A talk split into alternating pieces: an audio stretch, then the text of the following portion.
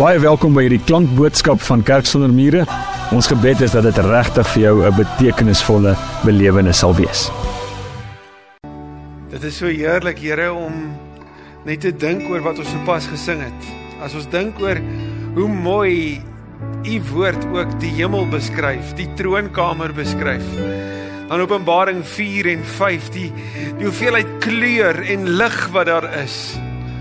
Die reënboog wat bo oor die die troon skyn en wat gereflekteer word op die kristalhelder see wat voor U is. En die kroon van U skepping, die mens wat daar om vergader saam met die duisende der duisende ja miljoene der miljoene engele almal bymekaar om U naam te vereer want U is so skitterend mooi so heilig so almagtig so rein. Wanneer ons aan onsself dink Here dan dan voel ons nie so nie. So dankie dat dat u vandag nie na ons kyk, Here, soos wat ons baie keer na onsself kyk nie, maar deur die kruis na ons kyk en en dat ons hoor, soos wat hierdie lied ook dit nou bevestig het dat u oë is op u kinders gerig. Dat u ons sien en wanneer u na ons kyk, is daar genade wat onbeskryflik groot is wat om ons vou soos 'n warm jas in die winter is u woord so daar vandag om dit te kom bevestig ook. Daarom o heilige God. Skitterende, skitterende, helder God. Kom skyn genade lig op die donkerste plekke van ons lewe vandag. Kom en verhelder ons lewens. Bring ons na die lewe toe. Bid dit in Jesus se naam. Dit is so bevoorreg om deur hierdie span begelei te word en dit was regtig 'n aangrypende oggend. Dankie julle. John Ortberg vertel die verhaal van 'n van 'n Amerikaanse dirigent wat klassieke orkeste gedirigeer het. Dis die regte woord, né? Nee? Nou hierdie dirigent was wel bekend geweest. Sy naam was Ben Sanders en Ben het op 'n dag eh, 'n uh, praatjie gelewer met 'n auditorium vol van die beste musisi wat daar was en almal het kom luister na hierdie baie bekende praatjie en eers in die praatjie gebruik hy toe 'n voorbeeld en hy nooi toe 'n 15-jarige cellist om om 'n stuk te kom speel. En nadat die cellist cellist klaar is, het hy gaan sit en en Ben het vir hom gesê: "Hoerie, kom sien my na die tyd. Ek wil jou graag met jou praat." En toe hy met die met die jong man praat, toe sê hy vir hom: "Onthou jy daai plek waar jy die fout gemaak het?" Toe sê hy: "Ja." Sê hy: "Kan jy vir my sê wat het jy gedoen toe toe jy die fout gemaak het?" Dis jy wel ek dit besef. Hy sê: "Hoe het jy gevoel?" Sê skaam. Sê ek wou hê die aarde moet my insluk. Ek ek ek ek het nie geweet wat om te doen nie. Ek voel dit gevoel asof my my bloed vanaf my kop al die pad afsak. Ek ek ek was so bewus. Hy sê ja en jy het jou kop gesak jy het jou jou liggaamstaal het so in skaamte ingetrek en 'n mens kon oral om jou sien jy het nou 'n fout gemaak. Hy sê weet jy dat jy's 15 jaar oud en jy's besig om te leer. Jy's besig om die vaardighede van 'n baie ingewikkelde instrument baas te raak. En weet jy wat wil ek hê moet jy volgende keer doen wanneer jy 'n fout maak? In plaas van om daai skaam teruggetrokke afkyk in 'n hoekie en 'n bondel ingekruip raak. In plaas van om dit te doen, wil ek hê jy moet jou hande in die lug opsit en sê, "Hoe fascinerend." Hoe fascinerend. Maar kyk net wat het ek nou net reg gekry. Hoe fascinerend. Ek en jy dink nie so oor ons eie lewe nie, nê. Nee. As ons foute maak, dan is dit nie ons eerste reaksie nie. Inteendeel. Wanneer laas het jy skuldig gevoel? Skaam gevoel? Het jy gevoel asof iemand jou beskuldig? Het die situasie wat om jou gebeur jou laat voel dat ek is aanspreeklik en ek het iemand erns gedrop? Ek het nie opgedaag nie. Anders gesê, wanneer laas was ek en jy die wat ander beskuldig het? Dalk hulle uitgekry het vir een of ander term beskryf het as iets wat van by die huis as ons so praat met die mense saam met wie ons 'n huis deel, as hulle 'n fout maak, bly ons stil daaroor?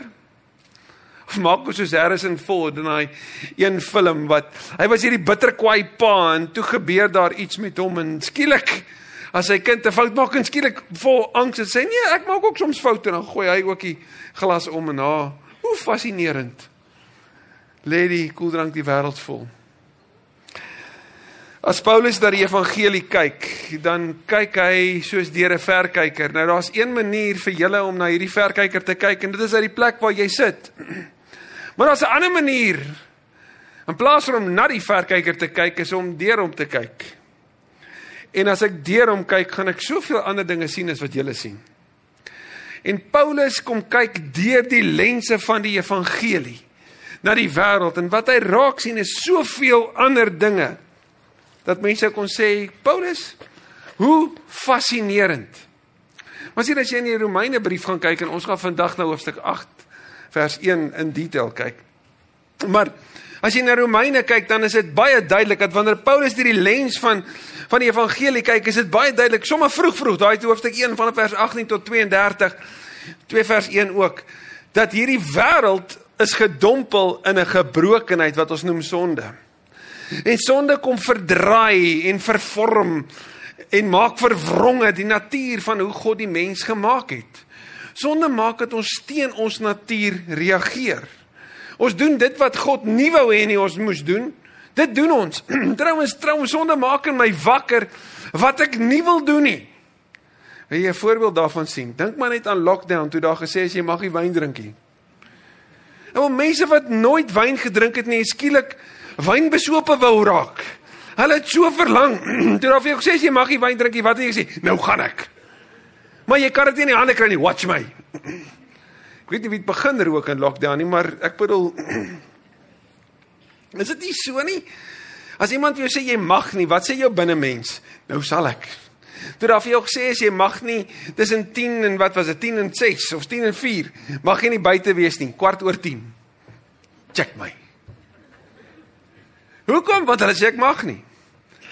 Sien as Paulus na sonde kyk en hierdie probleem raak sien deur die lens van van die evangelie, dan sê hy almal het gesondig en is ver van God af. So daar's nie net hierdie sekere groepering van die samelewing nie. Dis almal en weet julle hoe hoog wat is die hoogtepunt hiervan? Ek lees vir ons, skus tog. Hoe fascinerend. Ehm um, Romeine 7 vers 24 en 25. Hoor net wat is die hoogtepunt wanneer hy sê wat ek wil doen, dit doen ek nie, wat ek nie wil doen nie, dit doen ek. Ons sê in vers 24 ek elendige mens wie sal my van hierdie doodsbestaan verlos? Aan God die dank. Hy doen dit deur Jesus Christus. Paulus sê sonde is die wêreld vol. En wanneer die wet kom en ek hoor al hierdie reëls dan dan maak die wet as dit ware sonde in my los. Dis nie omdat die wet fout is nie, maar die sonde binne in my. Vir elke wet wat daar gesê word, wil ek breek. As daar gesê word dis die spoedbeperking, wil ek vinniger as dit ry. As daar gesê word ek mag nie dit nie, dan sal ek dit doen. Ek het hierdie dryf binne in my om presies dit te doen wat ek nie mag doen nie. Want wie sal nou my vryheid wil inperk? So die goeie wat ek wil doen, dit doen ek nie en die slegte wat ek nie wil doen nie, dit doen ek. Dis die sonde hier binne in my. Wie gaan my hiervan verlos want ek kry dit nie op my eie reg nie. Dan sê God dank hy kan doen wat ek nie kan nie. Hy doen dit in Christus Jesus. En hier's die gevolg en ek wil graag vandag saam met jou stil staan by hierdie een vers. En ons gaan die res van Romeine 8 later sien hoe dit presies hierdie vers bevestig. So as jou Bybel oop sou wees, moet hom nie toemaak nie. Romeine 8 vers 1 sê daar is dus nou geen veroordeling vir die wat in Christus Jesus is nie. Die Griekse woord daar sê daar is geen veroordeling nie. So wat dit kom sê is daar's nie minder veroordeling nie of daar's nie veroordelings nou lig nie. Daar staan ook nie daar's tydelike veroordeling nie. Daar staan selfs nie daar's gedeelde veroordeling nie. Daar staan geen. Die Griekse woord vir geen is geen. Geen. Niks. Geen veroordeling vir die wat in Christus Jesus is nie. Nou hier is die interessante, julle ons leef in 'n wêreld van veroordeling. Die Engelse woord daarvoor is condemnation. Oom Dallas Willard het 'n baie interessante begrip ontwikkel. Hy noem dit condemnation engineering. Nou condemnation engineering, ek dis bietjie moeilik om vir my te dink oor jy het veroordelende ingenieurswese. Dit klink bietjie vreemd. Condemnation engineering is die volgende. My my geliefde moeder het dit so reg gekry. As kind het sy die volgende vir my gesê: Vir 9 maande het ek jou gedra en jy wil nie eers my tee maak nie. Bah! Wat moet ek nou sê? Wel, dankie, hier gaan ek. Staan en maak maar tee, ek myself 9 maande. Hoeveel koppies tee kan dit nou deurwerk? Hierdie benadering van condemnation engineering is wat ons gebruik om skuld te gebruik en te misbruik om ander te kry om te doen wat ons wil hê hulle moet doen. Dis die misbruik van mag deur skuldgevoel. Julle en dit gebeur die wêreld vol. Mense wat jou laat skuldig voel omdat jy die woord nee gewaag het. Mense wat begin met skuldgevoel net om jou uiteindelik te kry om in te gee. Ag my kind, jy weet. Jy was so lank laas by my gewees. Goed, maar ons sal kom kuier. Ons wou hierdie een naweek in die hele jaar wil ons net bietjie weggegaan het, maar okay, ons sal maar weer kom. Ag, Dit moet net nie te veel moeite wees nie. Nee. Ag my liefie. Jy weet ek het ek het so lank laas my my naels kon laat doen. Ja, my skat, ons ons geld is budget bietjie. Ja, ek wou maar net mooi lyk vir jou. Maar maar ek, ek verstaan. Ag my skat, jy weet die Cheetahs het so lank lank gewen. Condemnation engineering. Ons manipuleer en ons speel. Stel jouself voor nou dis wat wat wat John Ortberg by uitkom is in plaas van volgende keer as jy 'n fout maak as daar hierdie oomblik is van beskuldiging dat jy in plaas van condemnation engineering ook op jouself toepas dat jy sê hoe fascinerend hoe fascinerend Wie gaan ons aan my oefen? Kom ons kyk of jy dit kan regkry. Hoe fascinerend. Nou ek ek het gedink ek gaan hierdie ding toepas by die huis. Volgende keer as ek ek moet dit toepas want ek moet help nie ek preek dit hier en ek gaan dit toepas nie. Nee, dit sal stupid wees. Stel jouself voor ek stap by my dogter se kamer in. En wat gewoonlik amper uitdaging is om by uit te kom, sê, hoe fascinerend. Hey, as jy ergens 'n fout maak. Want want kyk mooi, as jy sê hoe fascinerend, niemand lyk kwaad dan nie. Hoe fascinerend. Jy lyk nie so nie. Hey, dit maak jou lig. Dit laat jou ontspan en dit, dan vat jy alles nie so verskriklik ernstig op nie. Hoekom? Want daar's geen veroordeling vir die wat in Christus is nie. En en dis die belangrike. Paulus kom sê, al daai beskuldigings, al daai sleg voel is weg. Ek onthou toe ek net 'n Christen geword het en ek bedoel dis die dag toe ek my lewe vir die Here gegee het. En so ek in my kop voel daai toe my pad regtig met die Here begin stap het, nê. Ek onthou het ek gesukkel met sonde besef. Julle dit was verskriklik en en die rede was my uierse pa het 'n baie interessante manier gehad om met my te werk as ek foute gemaak het en met my my boetie. Hy het aangehou om jou te herinner daaraan. En ek ek vermoed sy bedoeling was om te sê, kom ek maak dit so sleg as moontlik vir jou sodat jy dit nooit weer sal doen nie. Ek sal nooit vergeet nie, ons het ons het gaan kamp. Ek was in graad 10 en my wiskundepunt was nie wat hy wou hê dit moes wees nie. Dit was ook nie wat ek wou hê dit moet wees nie, maar tussen ek en Tannie Chown het ons mekaar misverstaan. Juffrou Chown. Ek was die clown lyk like dit my, maar sy was die Chown. In elk geval. Ehm um, En my wiskundepunt was ja, was nou nie iets om oor huis toe te skryf nie. En uh nou is ons nou kamp ons die die vakansie. En elke keer as ek sê ek sal iets doen, dan hoor ek ja, soos jy jou wiskunde kan doen. Ek sal ek sal help by die tenpenne ja, as jy jou wiskunde gaan doen. Ek sal die skool goed gaan was. Ja, nee. Net nie soos jy jou wiskunde gaan doen nie, hoor. En en ons lag nou. Maar weet jy hoe voel dit hier na die 25ste keer wat jy dit hoor? Weet jy hoe voel dit wanneer jy die hele liewe tyd veroordeel voel? Wanneer jy voel ek weet ek het droog gemaak. Ek weet ek het dit gemis. Okay, ek het dit. Ek het dit. Ek voel skuldig. Ek voel vrot. Ek voel laar as 'n wurm soos wat die psalmskrywer dit sou sê. Ek sou net myself in geïnteresseerd voel as my pa na my wiskundepunt sou sit en sê, "Hoe fascinerend." Maar weet julle wat het gebeur toe ek 'n gelowige word en ek sonde doen? Elke keer het ek gewonder wat moet ek nou nog doen om vir die Here te wys dat ek jammer is? Wat moet ek nou nog doen voordat ek sy vergifnis kan aanvaar? Voordat ek sy vryspraak soos wat 1 Johannes 1 vers 8 en 9 sê, as ek my sonde bely, hy is getrou en regverdig. Hy vergewe my my sonde, hy reinig my van alle ongeregtighede. Wat sal gebeur as ek dit regtig glo? As ek regtig glo dat dit wat hy daar sê, dat dit waar is? Maar sien, hier's die mooi van disippelskap. Ja, disippelskap beteken navolging van Christus, maar disippelskap impliseer ook dat jy 'n student is. Jy's besig om te leer. En vir almal vir ons wat leer, weet jy jy gaan foute maak. As jy hiernatoe gekom het met 'n motor, beteken dit jy het 'n lisensie. Vir daai lisensie moes jy op 'n stadium toets skryf. Weet nie wie van julle het minder as 4 minute gevat om jou toets te dop nie. Ek het 'n 4 minute baar. My seun het hom getroof. Ek sal nie sê watter een nie. Daar's net een wat 'n lisensie het.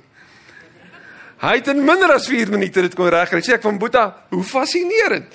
Ja, ek het dit gesê, ek het hom sê, "Ha, jy het beter as ek gedoen." Sien ek het nie geweet dat as jy jou hand van die stuurwiel afhaal, moet jy eers die handrem opsit en dan die motor in neutral sit nie. Dit was vir my half logies, nê? Nee? 4 minute later, pappa, daar, jy's klaar, jy gaan huis toe. Gaan verduidelik vir jou dad. Jy het gepluk. Maar ons almal het eers voordat jy daai lisensie kon dop en toe uiteindelik kon kry, moes jy leer bestuur. En om te leer bestuur beteken jy gaan foute maak. Jy gaan eers leer van koppelaarbeheer. En as jy koppelaarbeheer nie het nie, jy leer dit. Sien en deur daai prosesse is daar elke keer 'n geleentheid en vandag nog waar jy foute maak en waar jy leer. En as jy fout kom, dan sê dit eenvoudig dit, jy's besig om te leer. Moenie so hard op jouself wees nie. Net soos wat daar gesê was vir daai chillis. Elke keer as jy 'n fout maak, in plaas van om jouself te kastei, in plaas van om goed oor jouself te sê, herinner jouself jy's besig om te leer. Wat sal gebeur as ons vandag 'n oordeelvrye dag oor ons lewe uitroep? As ons sal kies om die mense in ons lewe om ons lewe oordeelvry te hanteer. In plaas om te sê jou knopkop, jy gaan dit hierdie ook nooit regkry nie. Kyk, dan maak jy nou net jou pa. sien, jy gaan ook net nooit reg dit reg. Wat ook al dit is wat ons sê, ons het nogal buite in ons woorde. As ons praat oor die wêreld, die land, ek bedoel jou huis, jou werkplek, waar ook al, voordat jy weet, is jy die een wat in die regterstoel sit en jy's besig om vinger te wys. Wat af van as ons bietjie uit dit uitklim?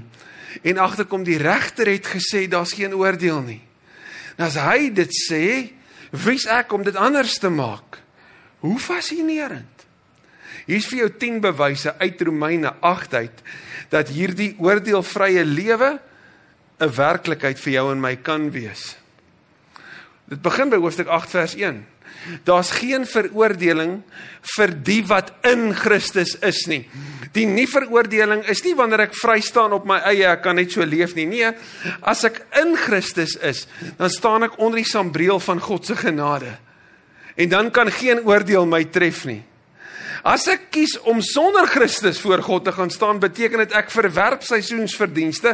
Ek verwerp wat hy in my plek vir my kom doen het. Ek verwerp vergifnis wat hy vir my gee. Ek gaan op my eie dit wag, sterkte. Maar as ek in Christus is, is daar geen veroordeling nie. Ons sien verder daarin in vers 14 en 15 dat die gees wat in my is kom noem my iets 'n kind van die Vader. In Romeine 5 sê sê Paulus ons was vroeër vyande van die kruis van die Here gewees maar hy het vir ons kom sterf toe ons nog ver was. Nou Romeine 10 het ons die goeie nuus aanvaar. Jy het dit gehoor en jy het dit geglo. En wat sê dit in Romeine 8? Wel dit maak van jou 'n kind van die Vader.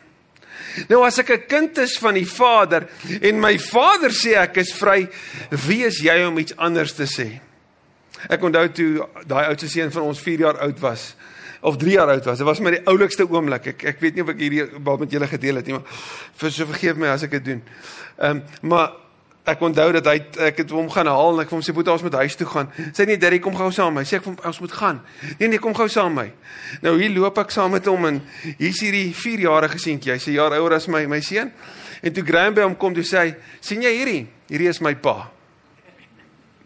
Hy het hom vinnig daai uitgesorteer. So moenie my sukkel nie, dis my pa hierdie, okay? Wat daarvan, wat sal gebeur as wanneer die oordeel wat oor jou en my kom, daai woorde, want ek wil die duiwel word nie van die aanklaer genoem nie. As hy met sy beskuldigings kom, dat ek en jy onthou, hoorie, sien jy hierdie? Hierdie is my pa, soos Jakobus 4 vers 7 sê, nader tot God, weerstaan die duiwel en hy sal van julle wegvlug. Sê weer vir hom herinner, hoor jy? Dis my pa. Hou op met jou nonsens oor my verlede. Hou op om my te herinner aan dit wat ek lankal bely het. Dis verby. Ek gaan nie meer hierdie beskuldigings vat nie. Ek gaan nie dit meer op my rug laat sit nie. Ek gaan dit nie meer mee af laat trek en laat my voel of ek my vrymoedigheid moet prysgee nie. Hier is my pa. Ek is vry. So Ek is in Christus, ek is 'n kind van die Vader. Vers 26 sê die Gees staan my ook in my swakheid by. Hoe weet ek daar's geen veroordeling nie? Want die Heilige Gees sê vers 26, bid vir my. Hy tree vir my in wanneer ek nie die vrymoedigheid het om self te bid nie. Paulus sê in 2 Korintiërs 12, drie keer het ek vir die Here gevra om dit weg te vat. Maar hy het gesê nee, my genade is vir jou genoeg. My krag kom juis tot volle werking wanneer jy swak is. So elke keer wanneer ek en jy agterkom ek het dit nie gemaak nie, ek het 'n fout gemaak, hoe fascinerend want die Gees staan met my swakheid by. Ek is besig om te leer. Hierdie fout is nie die einde nie. Dis 'n leerskool. Klaagliedere 3. Sy genade is vars en nuut elke oggend. Ek hoef nie terug te val nie. Ek onthou, ek is besig om te groei. Die Gees staan my by. Ons sien in vers 28 wat met my gebeur vir die wat lief is vir Christus, sal hy alles net goeie laat meewerk. Selfs my donkerste donker word 'n geleentheid. Dit het regtig al in mense se lewens so gebeur. Dink aan Jonas se geval. Gaan aan Ninive toe. ek gaan Tarsus toe. Spanje is baie verder, maar ek oorweeg liewer die skip van Tarsus as op pad na Ninive toe. Ninive is aan die ander kant die Eufraat, daar by die verland van die vyande. Ek bly weg. Tarsus hier kom ek. En toe word 'n skip op pad na Tarsus toe, 'n tempel van aanbidding van die matrose op die skip kom tot bekering. Hulle aanbid die naam van Jahwe en die storm word stil en word 'n plek van belydenis voor die Here. Iets wat nie sou gebeur was Jona nie verkeerd nie. Wow, God aan die werk ten spyte van jou. Onthou jy en Naomi? Naomi en Elimelech vlug van Bethlehem af van hongersnood af weg na Moab toe die land van die afgode. En daar kry Naomi, ag weet Naomi twee skoondogters en ek wil in die verkeerde land met die verkeerde hoofstuk van die verkeerde storie word Rut en Orpa deel van haar lewe en haar seuns is dood en haar man is dood. En sy kom terug en wanneer sy in Bethlehem aankom, dan kom sy daar met een van die dogters uit die herinnering van die vorige land, die land van die afgode, Rut. En hoe skryf God sy storie? Ek en jy ken dit. Rut word weer mamma, Boas neem haar in, hy word haar losser. En wie's die agterkleinkind van Naomi? Dawid. Dawid. En uit Dawid uit is die Messias gebore. God skryf sy storie. Vir my wat in Christus is, wanneer daar verkeerde dele, hoofstukke, plekke, seisoene, dalk 'n dag in my lewe kom, dalk het ek eers besef hoorie maar ek het so droog gemaak soos wat Chuck Colson gedoen het met Watergate. Wel toe hy in die tronk kom, toe kom hy tot bekering en Chuck Colson word vandag geken as een van die leiers van gevangenisbediening in Amerika. En hy vertel van Jesus wat hy ontdek het in die tronk. Dit het die tronk gevat vir hom om by die Here uit te kom. Dit mag 'n donker hoofstuk in jou en my lewe vat om by die Here uit te kom, maar die belangrikste van die belangrikste vir jou en my om te onthou, daar's geen veroordeling nie. Hy laat alles nie goede meewerk. Van ehm um, vers 31 af tot by vers 38 is daar 'n klomp waarhede en ek gaan in kort vir jou dit net noem. Een ons hoor God is vir my. So as die Here vir my is, wie kan teen my wees?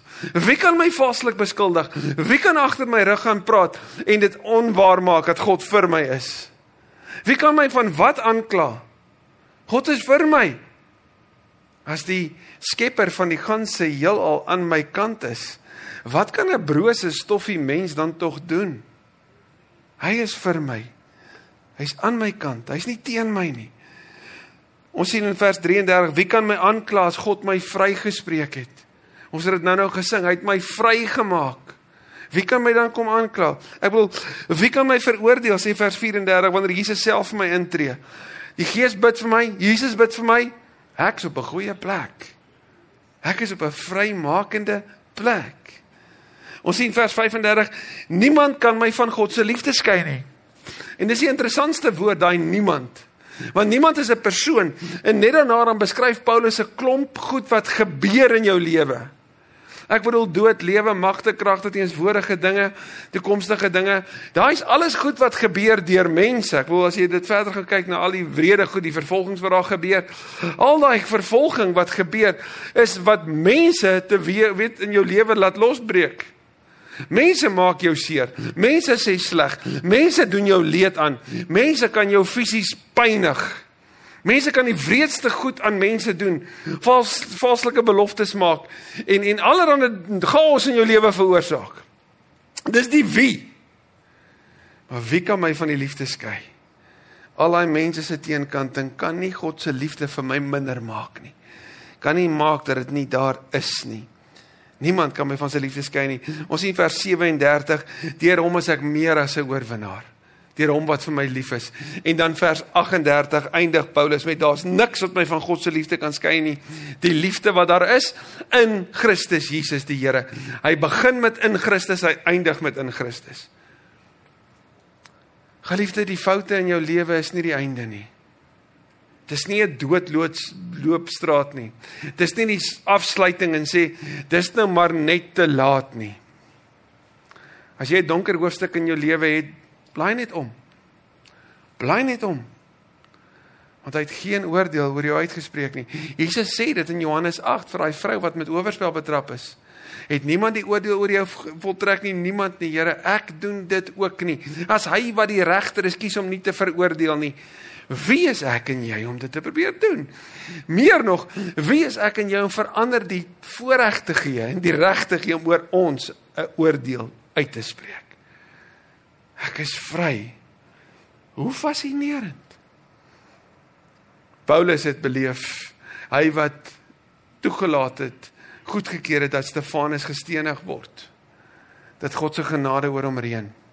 Paulus wat sê ek is die slegste van alle mense. Hy het beleef daar's geen veroordeling vir my nie. Ek is nuut gemaak in Christus. Petrus het beleef ek het nee gesê 3 keer. Jesus het my gehelp om 3 keer te kon ja sê. Noem maar die voorbeelde op van die Bybel. Mense wat droog gemaak het, foute gemaak het. O, dis al die verkeerde mense wat almal bymekaar is. Wie word die eerste getuie van Jesus opstanding? Maria van Magdala uit wie sewe demone uitgedryf is. Daar's geen veroordeling vir die wat in Christus is nie. Hierdie verkyker is so 'n beeld van van jou en my. Ek kan dit vir jou wys en jy kan daarna kyk en op 'n afstand staan. Of jy kan hier voorkom staan en deur die lens kyk en 'n ander perspektief op die lewe kry. Ek en jy kan die evangelie op 'n afstand op ons lewe hou En sê is mooi, is goed om te hoor. Ek's bly dit werk vir ander mense. Of ek kan dit waag om my lewe oop te maak en te sê Here, maar kom doen dit in my. Kom help my om vry te kom van daai stem wat sê ek's nie goed genoeg nie, ek's nie heilig genoeg nie, ek's nie rein genoeg nie, ek's nie dit nie, ek's nie dat nie.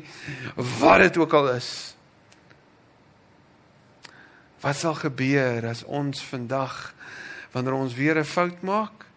In plaas van om dit te doen en te sê, "Ag, word groot, sien sleg, gaga, jy maak droog. Kyk hoe vuil is jy. Kyk hoe droog het jy nou alweer gemaak. Jy moes nie hierdie gedoen het nie. Jy moes van beter geweet het. Dit pas nie by jou nie. Hoe durf jy hierdie goeters doen?" Jy ken daai stemmetjie. Om te sê, "Hoe fascinerend." Hoe fascinerend. Maar dit nie daar te los nie. Om dit veral toe te pas op jou mense wat met jou te doen kry. En as van ons hier wat vandag sal sê ek het dalk al droog gemaak in die verlede. Ek het dalk al woorde gesê vir die mense wat met my 'n huis deel, 'n lewe deel wat gesny het, wat seer gemaak het. Ek is so spyt daaroor. En ja, woorde is so tandepasta as dit uit is, jy kan dit nie terugkry nie. Maar vandag kan jy dit voor die Here bely en hoor dat hy sê hy was jou skoon, hy maak jou rein. Hy verwyder jou sonde so ver as oos wat van wes af is. Hulle kom nooit weer bymekaar nie. Die Bybel sê as God ons vergewe, dan dink hy nooit weer daaroor nie. Jy kan vandag nes ek voor hom kom staan en sê Here was my skoon en dit neem en van hier af anders gaan leef. Hoe fascinerend. So kom ons kry 'n geleentheid en ons bid, ons praat elkeen met die Here en dan bid ek graag ook vir ons. Kom ons sluit die oë. Vader, ek is bewus daarvan dat almal van ons het of in die onlangse verlede of in die laaste jaar ten minste al by 'n plek gekom waar hierdie woorde van Paulus ook waar is in ons lewe. Ek elendige mens, wie sal my hiervan red? Ek die mens wat foute maak wat soms te vinnig praat, wat soms neerkyk op ander mense. Wat soms nie die beste vir ander het nie of wil hê nie, wat soms vergelyk vergelyk speel en ek wen altyd.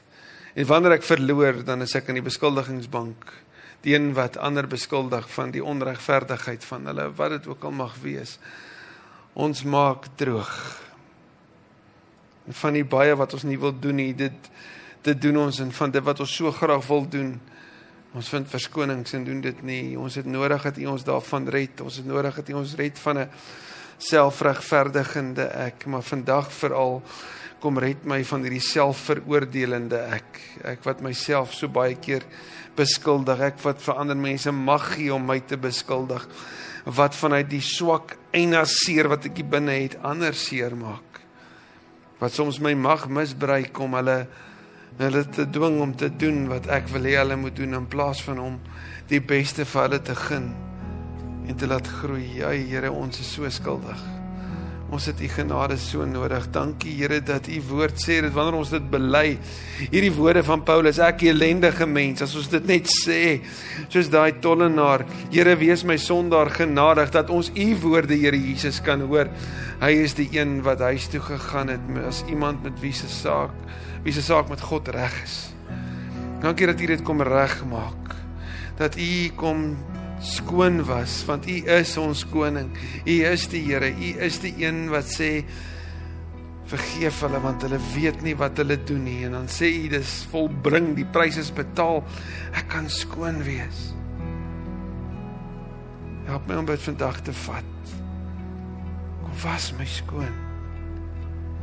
Vat hierdie seer weg van selfbeskuldiging, selfaanklag.